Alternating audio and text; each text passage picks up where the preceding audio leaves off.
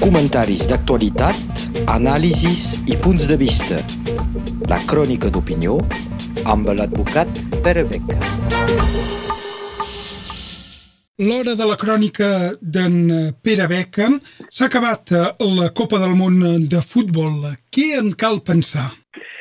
Doncs moltes coses, evidentment, com sempre amb un esdeveniment d'aquest nivell. La primera és que han guanyat els argentins indiscutiblement, encara que amb prou feines. Però més enllà d'això, que aquesta Copa s'ha convertit eh, cada vegada més en un esdeveniment mundial, amb els Jocs Olímpics és el més important, que és una competició esportiva, però també un espectacle i una eina de comunicació política. Pere Beca, això és només per als que la juguen?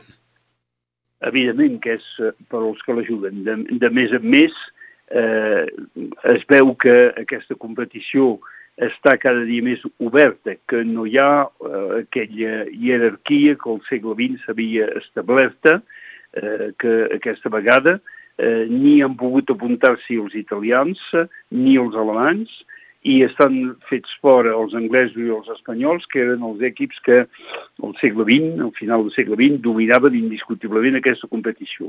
I veiem aparèixer nous països que no sols són emergents econòmicament, però també emergents a nivell esportiu, com ara el més significatiu és el cas de Marroc, que va quedar eh, a semifinal i que va perdre la petita final. Però també veiem aparèixer, no és totalment nou, però veiem aparèixer cada vegada més petits països, com ara la Croacia, que més o menys és del tamany de Catalunya, i que malgrat tot eh, pot imposar-se en aquest nivell. Això vol dir que en aquest moment el món del futbol, però també el món del rugby, no guanya necessàriament el que té més diners, Eh, pel rugby tenim l'exemple de Nova Zelanda, que és un petit país amb pocs recursos, o relativament pocs recursos, i que guanya de fa molts anys. Però el món del futbol s'està imposant aquesta idea que tots els països tenen la seva possibilitat i que no es necessita tenir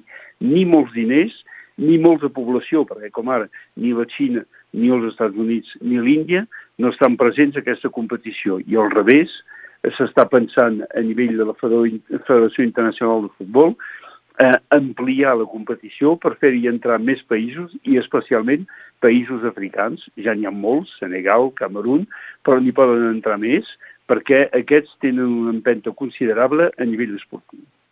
Això per als que juguen. És una competició doncs, eh, pels que juguen aquesta Copa del Món de Futbol, però també, finalment, pels que l'organitzen. Doncs l'organitzen, aquí també hi ha una sèrie de, de conseqüències d'aquesta organització per Qatar.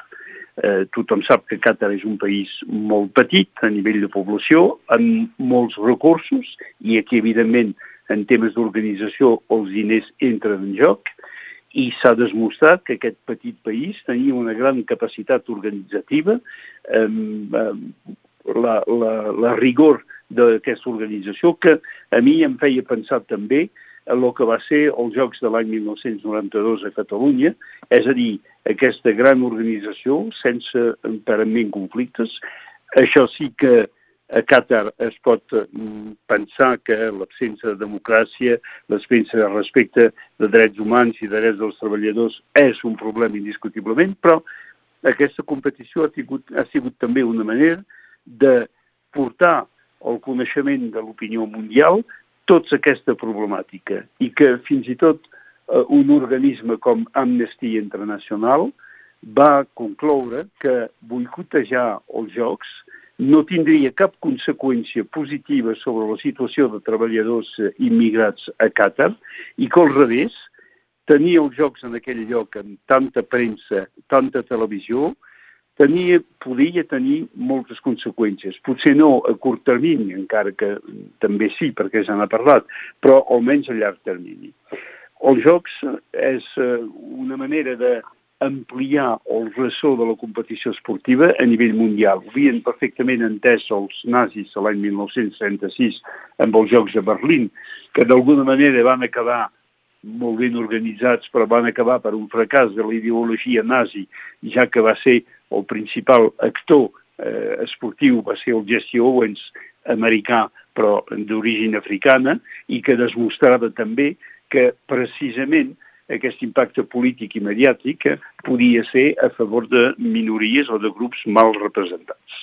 I finalment, eh, Pere Beca, amb eh, tot això, eh, què es pot pensar del que ha esdevingut el rol social de l'esport? Doncs això ha canviat molt tot al llarg del segle XX. Eh, inicialment, l'esport, que és un invent eh, britànic, que era la cosa de la noblesa, de la gent que tenien recursos i eh, es podia perfectament admetre, eh, ja sabeu el que es diu el rugby, un, un esport de, de bandits jugats per gentlemen, doncs era una mica aquesta idea. Però mm, actualment, eh, aquesta preeminència de eh, la mediatització de l'esport té conseqüències, com sempre, positives i negatives. És una mena de resum de dramatització de l'estat del món. A l'esport és indiscutible, també hi ha racisme, per exemple, i es veu en els estadis, i especialment els estadis d'Europa Occidental, però al final ens adonem que més de la meitat dels jugadors de l'equip de França de futbol són immigrats o fills d'immigrats i, per tant, tenen el suport amb banderes, amb el suport nacional francès. És a dir, que hi ha una mena de, de, de contrasens eh, i, i el fet que hi hagi molts immigrats que estiguin jugant, i faig un incís, però que no em diguin eh, que el més francès és el porter en Lloris, perquè amb un nom escrit en, en doble L, m'imagino que alguns avis catalans deu tenir també. Però bé, no ve d'això. Eh, vull dir, el suport es fa amb un equip nacional composada de gent d'orígens i de nacionalitats inicials molt diferents. I això em sembla que és una primera cosa. La segona cosa és que és una bona eina d'integració de les, les minories. A l'estat francès és evident, a l'estat espanyol tanmateix. Eh, llavors, hi ha crispacions nacionalistes a l'esport. Es veu perfectament quan mm, França joga contra Marroc o contra Argèlia, hi ha hagut crispacions nacionalistes degut a la història. Però també es veu que aquests enfrontaments són la manera, la possibilitat per una part de la població de, de fraternitzar, de mirar-ho conjuntament i de dir que, bueno, al final ha guanyat el millor i que donarem suport a l'altre equip. És a dir, coses molt positives. I fins i tot a la història del futbol hi ha hagut enfrontaments, per exemple, entre Anglaterra i Argentina després de la Guerra de les Malvines, eh, o en hoquei patins entre Rússia i Estats Units, o en tens taula en Xina i Estats Units. I això ha permès de fer una mena d'obertura. Eh, es va parlar de, de la diplomacia de l'esport. Sí que és una eina, i també és una eina política. Eh, els jugadors de futbol són també d'alguna manera eh, la representació de l'evolució de la sensibilitat política d'un país, d'un estat. Eh, mireu que va ser la posició molt coratjosa al meu, punt, al meu punt de vista dels jugadors de futbol de l'equip d'Iran. Encara que fos finalment ofegat per la premsa i per la pressió, van poder expressar un cert suport al moviment actual polític profund eh, de l'Iran. I al revés, se va imaginar eh, la, la possibilitat de tenir una eina de pressió a través del boicot i es va considerar, i cada dia més es considera, que finalment boicotejar, no assistir, no participar, mm, és, no és una manera de fer política, sinó que s'ha d'utilitzar el joc precisament per fer evolucionar la societat.